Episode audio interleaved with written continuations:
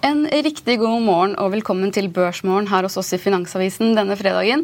Mitt navn er Benedikte Storm Bamvik, og med meg har jeg aksjekommentator Karl Johan Molnes. Senere i sendingen så får vi også besøk av aksjesjef i Alfred Berg, Leif Erikstrø. Før vi hopper på dagens program, kan vi se litt på handelsdagen her hjemme, der det ventes å åpne svakt. Og til sammenligning så endte Oslo Børs ned 0,6 i går, der PGS steg 2,6% etter en oppdatering fra ABG Sundal Collier.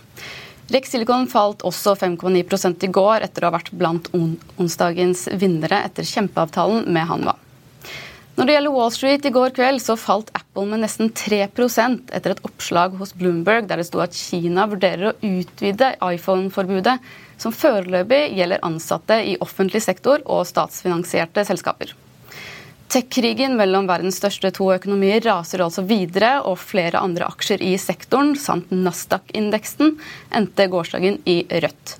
SMP var også ned, mens Dow Jones steg med 0,22 i går kveld så man også tegn til at rentebekymringene har blusset opp igjen blant amerikanske investorer, da nye tall viste at antall førstegangssøkere på ledighetstrygd i USA falt for fjerde uke på rad forrige uke, til sitt laveste siden februar.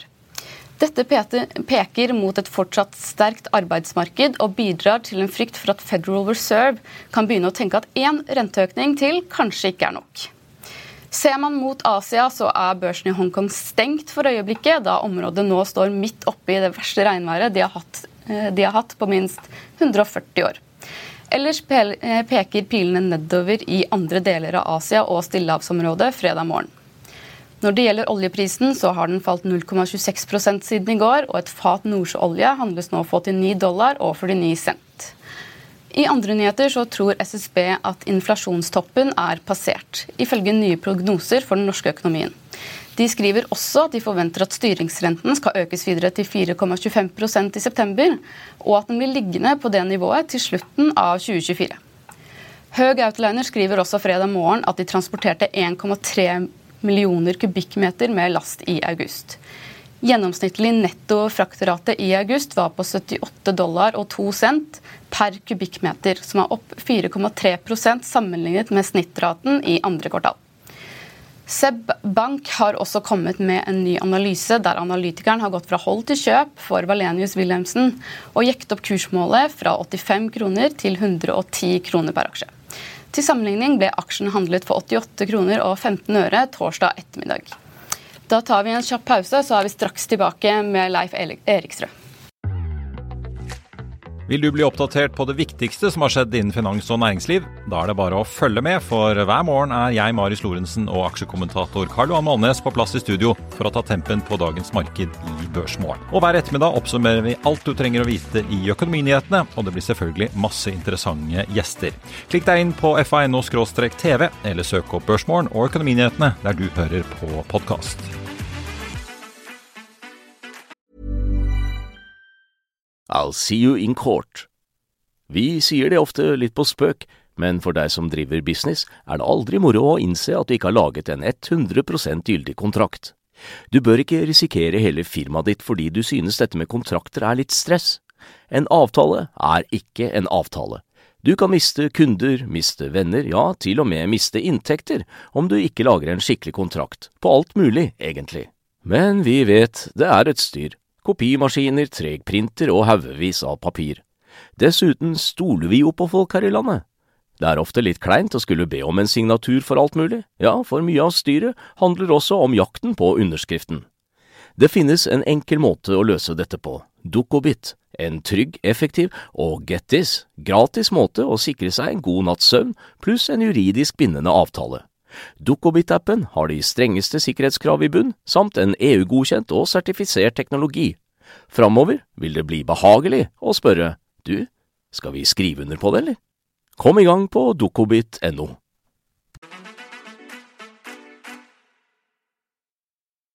Da er handelsdagen i gang, og Oslo Børs faller med 0,6% fra start. Og Da er det bare å ta vel imot dagens gjest, aksjesjef i Alfred Berg, Leif Eriksrød. Velkommen til oss. Takk, takk. Vi tenker vi skal starte med det som eh, folk eh, snakker ganske mye om på Oslo Børs i dag. Det er da dette budet på Kahoot som kommer fra Goldman Sachs. De valgte jo å utsette denne akseptfristen med to uker, og da er liksom nye fristen satt i dag eh, halv fem. Hva tenker du selv om dette budet?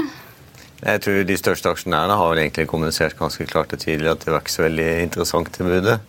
Så det er vel kanskje litt feil timing å, å selge selskapet. Vi er ikke noen stor aksjonær, men uh, vi lar det budet passere egentlig helt, helt uh, ja, med skuldertrekk, for å si det sånn. Det betyr ikke så mye. Nettopp, for dette budet priser jo Kahoot til 35 kroner per aksje, altså da en totalpris på 17,2 milliarder kroner. Og dere har 1,5 millioner aksjer i Kahoot, stemmer det? Ja, noe sånt. Det stemmer. Mm.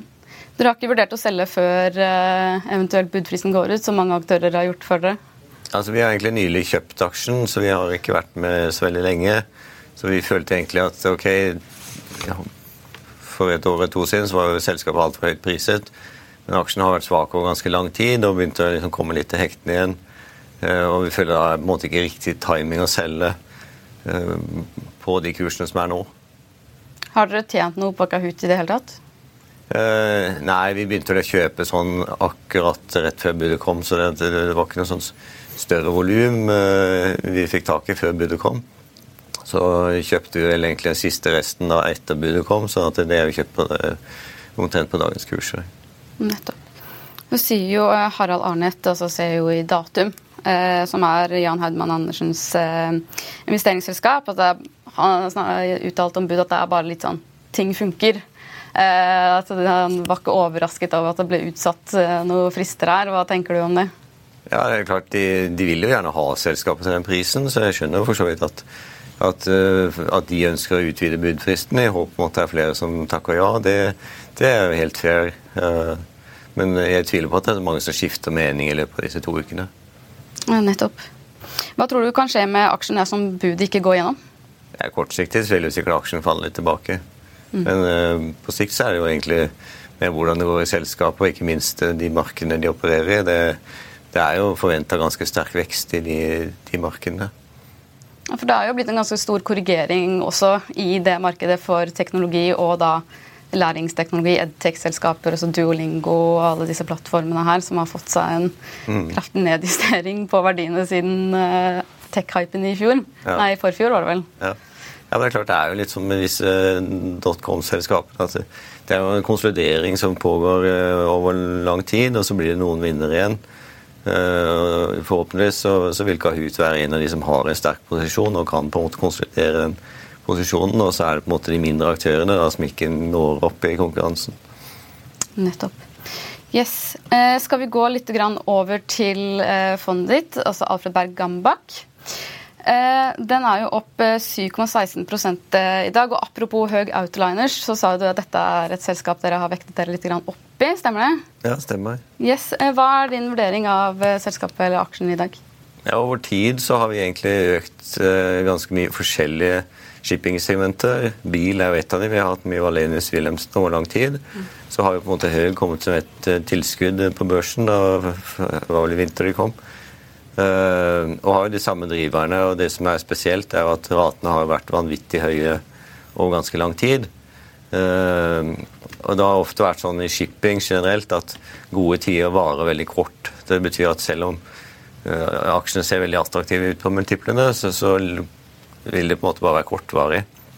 Men nå har det på en måte vart mye lenger, og det, det gjør jo på en måte at kursene får seg et nytt løft for hvert kvartal som går.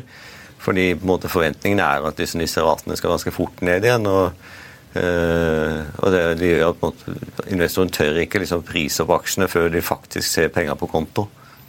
Man bruker jo å si at det er farligste aksjer man kan kjøpe er aksjer som har P1, for da er det like før du skal gå konkurs. Så her har man jo det motsatte. da, Det er P3, det er de høye autoliners. De melder om eh, stabilitet i månedsrapporten og rater litt opp og volum litt ned. Så, og det er jo P3 da for 2024. og eh, Det er litt billigere enn Gram Car Carriers og litt billigere enn Valenius Wilhelmsen. Men vi ser jo det av aksjonærlisten at et av de mest aggressive hedgefondene, Citadel, har begynt å, å shorte høye autoliners.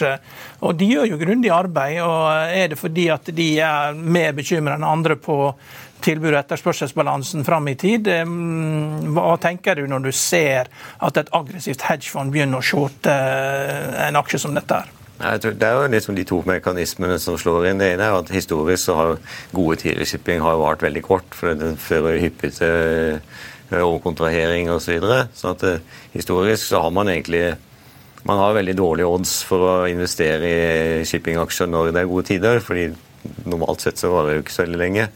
Så det er, det, er, jo det de vedder på. og Så vedder de også på ordreboka. For det jo, aksjemarkedet har en tendens til liksom å skifte fokus veldig fort fra ok, nå er det høye rater som teller, ja. så plutselig så er det høy ordrebok som teller. Ja. Så du, du, kan jo få et, et veldig sånn brått skifte i aksjemarkedets fokus, uh, som egentlig er litt annerledes av den underliggende utviklingen i selskapet. Så du har gått lenger inn i rommet, men du er fullt klar over hvor utgangen er. Så i tilfelle det, det trenger å gå ut, så, du, så forsvinner dere fort ut av aksjen. Dere har ikke tenkt å bli der og sitte og se på uh, hvis det blir dårligere. Så er dere raskt ute. Ja, vi er jo heldige i forstand vi er fondsforvaltere, så vi har store porteføljer. og Det gjør at vi har, heller, vi har mindre veddemål i den type ja. aksjer da, hvor det er en dårlig visibilitet. For det, altså Vi har brent fingre i tidligere sykler. Så at vi, vi, har relativt små veddemål. Og så sprer vi det heller utover litt flere segmenter. For det er jo, det er flere shippingsegmenter som gjør det veldig bra for tida. Særlig gass. Jeg, jeg, jeg, traff jo sjefen i Valenius Wilhelmsen nede i Arendal, og det var jo en ting som bekymra meg. Det har jo vært shippinganalytiker i mange år. Det er jo utrolig mange detaljer man må følge med på. Det. Og en av de tingene som dukka opp, det var at det var så mange det var som at Halvparten av lastene ut av Kina gikk i bokser, og det var ingen som visste hva som var i disse boksene. da. Og Da kunne Valenius Wilhelmsen-sjefen berolige med at det er biler i boksene. Det er bare at det er ulike det er liksom tollregler som gjør at i enkelte land da, så er det mye mer gunstig å importere bilen i en boks enn så det er jo, så da paranoiaen da i Vesten om at hva er det i alle boksene som går ut av bilfraktskipen, det er biler i boksene. Mm. Eller rullende kjøretøy. Ja. Så det er jo positivt, da. Ja da. Ja, shipping er jo sånt, det er jo en, det er jo en ligning med veldig mange variabler. og Du har jo så veldig god kontroll på noen få av variablene, ordrebok og rater osv. Men så er det alle disse X-faktorene som du ikke, ikke, er klar over. Ja. Det er jo ikke så mange år siden man plutselig begynte å snakke om dette congestion osv. Det var jo ikke noe begrep det for 20 år siden. Nei. Men hvis vi går litt fra shipping over til energisektoren. Denne sektoren har jo vært veldig sterk denne måneden, her, i hvert fall det dere skriver. Eh, kan du forklare litt mer om hvordan det har vært i august? Ja, August eh, det er jo litt i kjølvannet av oljeprisen har løfta seg litt. Men det er også si, litt sånn gjenfødelsen av riggsektoren. Eller hva skal jeg si, en, del oil service-segmenter som har på en måte kommet ut av skifteretten og, og, blitt mer investerbare igjen. Som gjør at det er ikke bare si, de største olje- og gasselskapene lenger. Nå, nå, er det også interessante muligheter for oil service. Og, og det gjør i hvert fall for sånn som oss at vi har mer å spille på. Vi har kjøpt litt riggaksjer i siste halvåret for å få med litt av den eksponeringen nå, ikke bare det rene olje og gass. For olje og gass da, det var jo så vanvittig bra i fjor, hvor spotprisene var fantastiske. Så de aksjene har vært sånn små, småkjedelige egentlig hittil i år, bortsett fra siste måneden. Så det gjelder liksom å prøve å finne litt andre muligheter òg, særlig innenfor oil service-segmentet. Har du vektet opp noen selskaper innenfor dette segmentet i løpet av måneden? Ja, Spesielt Sidril, som den er jo størst og mest likvid. Vi har hatt en del bor uh, også ved siden av. Så. Mm. så altså, dere hadde vekter opp i Vår Energi? Ja, uh, og det er også på en i kjølvannet av en uh, høyere oljepris. Så det er ikke noe sånn Vi har hatt den lenge, vi har økt på litt. Grann. Nettopp. Er det noen posisjoner som dere har minsket i løpet av de siste månedene? da? Særlig materialsektoren har jo hatt det tungt. Så det er jo rett og slett mer som momentumdrevet. Og det er litt som du er inne på, det er jo veldig billige aksjer, men klart momentet er feil vei, så, så da bruker vi gjerne det som finansiering, da. Nettopp. Og Det har jo vært eh, litt av et marked i år. Eh, Gambak er opp 7,16 eh, altså over 1% over hovedindeksen. Har slått den der. Hvordan føler du selv det har vært med den forvaltningsjobben i det siste, med tanke på markedet? Oslo Børs har vært stort sett sidelengs i snart to år, eller omtrent to år. Eh, og det er egentlig ikke vårt favorittmarked. Vi foretrekker marked som har en retning, enten opp eller ned. Sånn at eh, vi er på en måte happy med å henge med markedet når det er sånn sidelengs. og Litt sånn utydelig egentlig hva som er bra, hva som er dårlig. Og, og trendene er ganske korte, så det blir sånn finta ut litt vel ofte. Så, så det er ikke akkurat vårt favorittmarked, dette. så når vi da på en måte ikke underperformer, så er vi egentlig tilfredse med det, vi. Nettopp. Ja. Ja, er finansaksjene fortsatt en av toppfavorittene for dere? Ja, og særlig bank. Ja. Så Bankene er, de er egentlig sånne evige favoritter for oss. og En av forklaringene er jo dels det at de leverer veldig bra, men det er også at analytikerne i den sektoren er sannsynligvis de mest edruelige analytikerne som fins. Forventningene starter alltid veldig lavt og blir på en måte positivt justert gjennom året. Det skjer hvert eneste år. Så det gjør at du får på en en veldig sånn behagelig kursutvikling òg. Du får ikke disse hypene som overshooter og så full fart ned igjen. Du har liksom den sakte, rolige oppgangen som egentlig gjør jobben. Så du er ikke bekymra for kredittap fra eiendomssektoren på norske bankaksjer? Vi ser jo på en måte at de kredittapene er jo kontinuerlig lavere enn der hvor forventningene ligger. Og så er det jo det er jo særlig næringseiendom, men de norske bankene er jo egentlig flinke til å unngå mye næringseiendom. Det er jo de svenske eh, bankene som har på en måte gjort de raidene i Norge med næringseiendom. Så, så, det er jo lite næringseiendom i de norske bankene. Det var også fremveksten av obligasjonsmarkedet. Så, så, bankene har jo den beste sikkerheten. Eh, obligasjonsmarkedet står jo på en måte tar det første tapet Aksjonærene tar jo selvfølgelig alle, aller første tap, men det, det, er på en måte gående allerede. Nettopp. Og du ser jo, altså, eh, Energisektoren har hatt veldig mye medvind i august. Og så er det også korte trender, så hvor lenge tror du den medvinden vil vare? Nei, Det er jo precis, det store spørsmålet. Ja. Og jeg, man skal ikke glemme at altså, den underliggende bevegelsen på børsen er egentlig ganske sidelengs. Og det er veldig, Når du da beveger deg liksom opp, opp et par måneder i liksom øvre del av det intervallet, så det er lett å bli litt så optimist at nå, nå, liksom, nå, begynner vi på oppgangen. Men så har du en tendens til å liksom punktere litt. og, og det er klart sånn, Oljepris er veldig viktig for Oslo Børs. Eh, og den har vært sterk nå et par måneder. Men det er jo først og fremst fordi Saudi kutter. Så det er jo ikke fordi at det nødvendigvis er så vanvittig sterk etterspørsel. Det er jo heller fordi at man står på tilbudssiden. og og det vet jo de som følger oljemarkedet, at, det, at når, når forklaringen ligger i kutt, så vet jo også alle at implisitt er veldig mye forsyning på sidelinja som på et eller annet tidspunkt vil komme ut igjen. Så det begrenser også litt av det oppsidepotensialet som er oljeprisen, som igjen da på en måte påvirker Oslo Børs. Har du sett noen tendenser i markedet nå til trender som kan komme utover høsten? Ja, det er et godt spørsmål. Eh, som regel så oppdager man jo på en måte ikke trendene før de er vel etablert. så det er jo kanskje banksektoren som er den, den lange, lange, trenden der ute. Det er jo egentlig bankaksjene. Foruten for uten det så, så er det jo shipping, men du, du, tør jo på en måte ikke vedde på at shipping skal vare.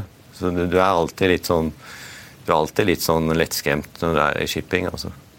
Norske konsumaksjer eh, får vel en tøff høst, eller har vi ikke noe særlig eksponering der? Altså, det er jo ikke så veldig... Det er, de som egentlig er vi har, da, det er Kid og Europris. og Det er typisk sånn lavprissegmentaksjer. Så de, de, klarer seg veldig godt i, i, selv i dårlige tider. Eh, så det er jo veldig lite av den type mer sånn generelt konsum, møbel og kapitalvarer på Oslo Børs. Så det, det er jo ikke så veldig mye av det, egentlig. Eh, den andre delen av konsumsektoren er selvfølgelig oppdrettssektoren. Eh, det er jo ikke sånn rent konsum i den forstand, den er mer defensiv. Så den tror vi også på en måte vil ha en ganske grei, grei tid. Så Der sliter man enda med ettervirkninger av denne skatten. Men, men når det får gått seg til, eventuelt finne en eller annen varig form eh, ja, i løpet av noen år, så, så vil jo den også komme tilbake på vekstsporet sitt, den sektoren der. SalMar kom jo med ganske gode utsikter på kapitalmarkedsdagen i går. og Du har jo Movi som din favorittaksje, men vil SalMar med de nye utsiktene komme nærme seg Movi eh, som å bli like bra, eller er Movi fortsatt eh, langt bedre og billigere for dere som aksje? Nei, vi har jo egentlig vi, har på en måte det største veddemålet vårt i SalMar. Vi har kanskje mer absolutt vekt i Movi, men Det er jo mest i kraft av at den er mye større. Så SalMar er på en måte kongen på haugen. Movi er jo stor, og den er diversifisert, så den har noen kvaliteter som de norske ikke har. Men det er jo de to er jo knallbra selskaper, begge to. er absolutt verdt å eie, selv i perioder hvor lakseprisene faller. Så tenkte du når de oppjusterte volumet med 33 Er dette her, er dette her eh, noe man skal tro på, eller er det noe som de bare sier? ja, altså, det er jo sjelden at oppdretterne klarer å nå sin egen guiding. Og det, det er på en måte et rasjonale i det òg. Altså, hvis du setter 100 fisk i sjøen, så er det best case at du får 100 fisk opp igjen. Ja. Så altså, det å overgå guiding, det er jo egentlig litt sånn så, så risikoen er jo ikke symmetrisk. så det, det, vil jo alltid være noen som dør underveis. Så derfor vil på en måte Jo nærmere guidingen du klarer å komme, jo bedre er det. Men du vil liksom, det er jo sjelden du klarer å overgå din egen guiding egentlig i oppdrett. Okay. Hvis vi ser litt tilbake på det generelle markedet, sett, er det noen sektorer eller aksjer nå som du ser er overpriset i dagens marked? Uh, Overpriset det er vanskelig å identifisere. Men uh, der hvor det er uh, størst usikkerhet, er kanskje materialsektoren. Ja. Uh, de hadde vanvittig gode tider i fjor. Sånn at du, du har et negativt inntjeningsmomentum. Selv om tilsynelatende inntjeningen er veldig god. Men det skal så lite til før du får ytterligere nedjusteringer. Så at det, er kanskje usikkerheten størst. Det er, liksom, er, farlig å si at, at, at, sektoren er svak eller at det er dårlige utsikter. Det er litt farlig å si, men det er iallfall veldig sensitiv. Eh, nå begynner vi å runde av straks, men jeg lurte på denne høsten og denne kommende sesongen nå, er det noen nyheter eller hendelser som du ser mot, som kan prege måten du forvalter fondet ditt på? Nei, altså Vi gleder oss jo til tredjekvartalstallene, for at nå er jo andre kvartalssesongen ferdig. og og akkurat den tredje måneden i kvartalet den er fryktelig kjedelig, for da er det ingen selskap som legger fram tall. Så vi venter egentlig på neste sesong. og akkurat den måneden her, da blir det veldig mye fokus på makroting. og, og det er ting som ofte tenker jeg egentlig ikke er så veldig viktig på Oslo Børs, men i sånn mangel av noe bedre, så skal avisene skal fylles opp, de. Så da, da, må man jo skrive, og da blir det typisk sånn Kina eller India eller et eller annet emerging market som visstnok skal ha stor effekt på Oslo Børs, men det har jo ikke det. Så, så, vi venter egentlig på neste løypemelding, og det er tredjekvartalstallene. Nettopp. Så må vi jo eh, ta en ordentlig eh, avslutning her og spørre om hva Litt tilbake til Kahoot. Hva mener du selv at eh, aksjen er eh, verdt? Vi har jo egentlig ikke noe sånn target. Vi er mer opptatt av å være med de som utvikler seg bra. Så sånn at Hvis måte veksten kommer tilbake eh, i selskapet, og de på en måte klarer å, å befeste sin posisjon og på en måte ikke bli angrepet utenfra, så vil vi gjerne være med. vi og og Det som er synd med Oslo Børs, er at vi har jo ikke noe særlig teknologisektor. Vi mangler også helsesektor. altså Typisk disse høyvekstsektorene de har vi jo ikke i Norge. Jeg eh, skal ikke dra den der lange formuesskattdiskusjonen her, men det er klart at det er tungt for norske aksjonærer å eie selskaper med si, høy verdsettelse i forhold til eh, mulighet for utbytte osv. Så videre, sånn at det, det, gjør at det er ganske lite å velge i eh, på Oslo Børs. Og da, er vi, da, vil vi gjerne beholde de få vi har. Så hvis du kunne fått det som du ville, så hadde Kahoot forblitt på børsen? Absolutt. Alle de gode, gamle tannbærselskapene som ble tatt uh, opp gjennom åra. Nykobben som forsvant, og alle disse som er i typisk teknologi og healthcare som, som vi har ja, vi mister jo alle de gode selskapene der, og det er fryktelig synd. Takk. Da tenker jeg at det er et fint eh, sted å avslutte der. Tusen takk for at du kom, Leif Eriksrød, aksjesjef i Alfred Berg. Ja, Karl Johan, du skrev jo en kommentar i dag om eh, SAS. Eh, Bl.a. det at danske stat og hedgefondet Apollo Global har indikert at de har lyst til å tegne stort i emisjonen. Kan ikke du forklare litt om hva du tar opp i eh, dagens Nei, vi hadde jo, eh, SAS har jo kommet med kvartalstall, eh, og i går kom de med månedstall. og Vi har jo hatt lederen for Norge her inne, og 18.9 er en dato der de skal offentliggjøre hvem som skal være med på den emisjonen. Og når du da begynner med at den danske stat har sagt at de skal være store aksjonær, og det betyr rundt 30 fordi at vi bevarer Kastrup som hovedflyplass. For det er en stor arbeidsplass ikke bare på Sjælland, men i hele Danmark. og Eh, da får jo det enkelte føringer på hvilke andre som vil være med på emisjonen. Apollo, som, er, eh, som styret har gitt konkursfinansiering, har jo selvsagt eh, insentiver for å få dette i mål. og De skryter jo at de sier at vi kan ta hele emisjonen. Det får ikke de lov til for de amerikanere, så de kan maks eie 50% Men det som mangler da, det mangler jo en, en svensk eier her. og Svensken er nølende. og nå begynner oljeprisen går opp, flyselskapene i USA kommer med profit warnings. SAS var veldig godt kalibrert. altså Den strategien de la i 2012, den var helt perfekt helt fram til pandemien kom. Etter pandemien så tror jeg mange oppdager at sånn menn over 50 år som egentlig har det du kaller sånne bullshit jobs, de har egentlig ikke noe å gjøre, men så føler de at når noen innkaller til et møte i Bergen, så må de liksom de må liksom fly over dit for å ta det ene møtet og fly hjem igjen. igjen for de har egentlig ikke noe å gjøre på jobb likevel. Så kunstig intelligens kan frigjøre masse arbeidstid i Norge, men disse har nå begynt å, å ta disse møtene på Teams. da. Så det er veldig mye, veldig mye etterspørselen i kjernen av det som SAS holder på med, den er borte borte. Og, og, så jeg tror det at eh, SAS som flyselskap eh, eh, de må, de må liksom, det må rekalibreres. For Hvis de sleit før pandemien, og så mister du mange av dine business class-passasjerer på disse korte, lønnsomme rutene. Og Norwegian har jo kommet sterkt tilbake. ikke sant? Og, De har jo grep på fritidsmarkedet og begynner å ta litt av forretningsmarkedet. Så må man liksom innse at når etterspørselen går ned i sum, så må liksom tilbudssida justeres. Da. Og og, Dette ser jo de profesjonelle finansielle investorene. De sitter, de regner på alt, og de, de, ser på hva SAS gjorde før. De ser på hvor store tapene har vært eh, gjennom pandemien. Milliarder på milliarder. Fortsetter å tape.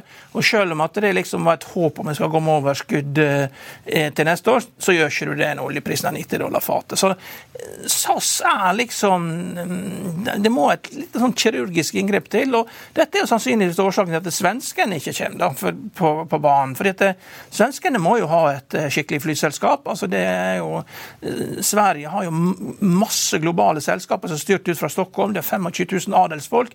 Men likevel så er de nølende da med å, å inngå et samarbeid med SAS. Fordi at svensker og dansker de, har, de, er, de er ikke så flinke å samarbeide. Vi nordmenn vi, vi alltid blide og trivelige, kan alltid finne ut med hverandre. fordi at vi, eh, vi er ikke noen trussel for de andre. Vi finner ut av det med danskene, vi finner ut av det med svenskene. Men, Sverige og Danmark det virker ikke som at de det er ikke så lett for de å bli enige om hvor mange utenlandsflighter som skal gå fra Stockholm, og hvor mange som skal gå fra Danmark. Så jeg tror det at eh, nå, må, nå, må de få på plass en, en løsning den 18.9. Men jeg tror at hvis du da får inn strategiske investorer, det kan være arabiske flyselskaper, selskap fra Midtøsten Men selskapet må omstøpes, tror jeg, for at du skal tilpasse seg en ny virkelighet med litt mindre sånn lokal business class. Og, og eh, jeg tror helt sikkert det må en emisjon til etter dette er over. Men, men eh, det virker som at de alltid er liksom tre år for seint ute med å gjøre det de skulle ha gjort for tre år siden.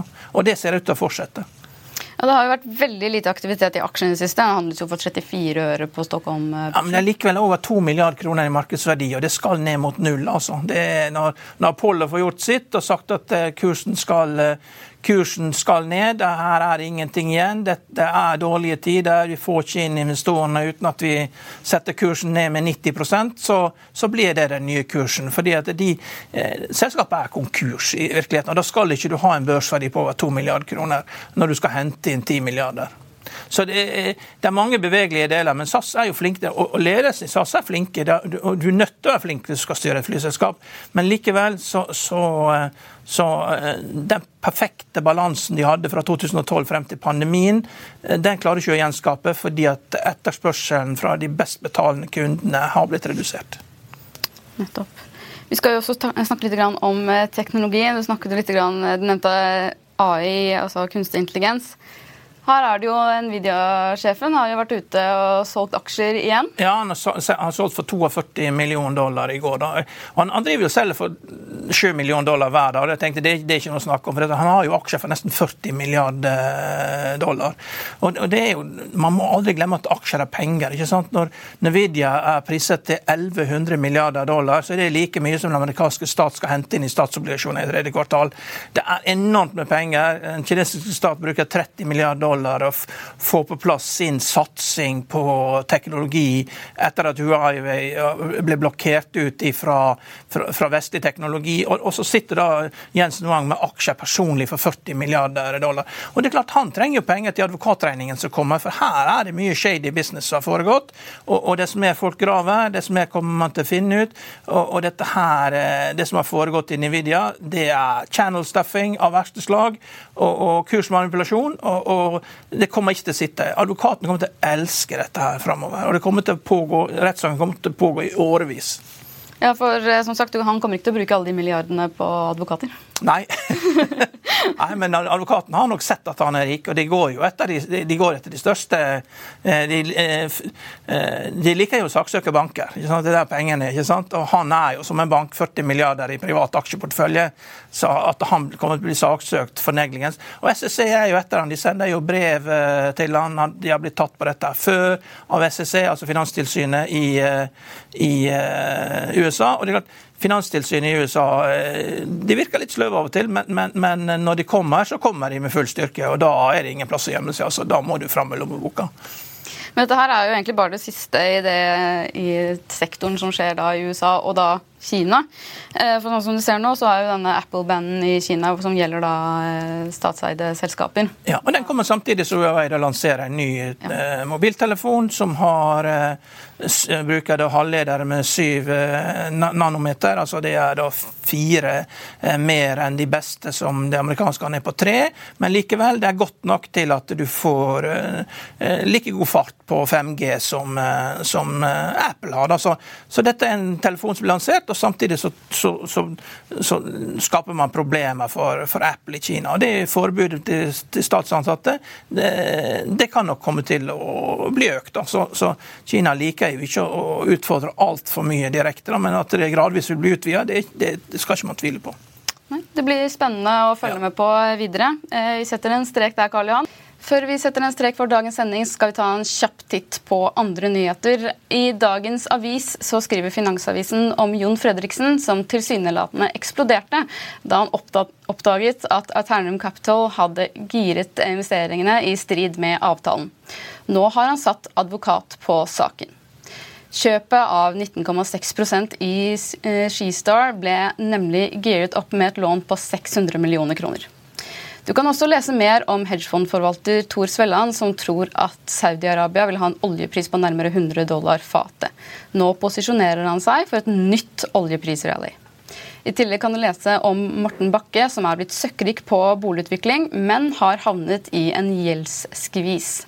Nå må han og Bakke-gruppen be om utsettelse av rentebetalinger og lettelser i lånevilkår. Mer om dette og mye, mye mer kan du lese på fa.no.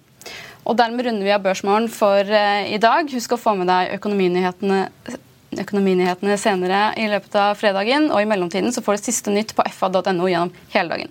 Vi ønsker deg en riktig god dag videre og etter hvert en god helg. Takk for nå.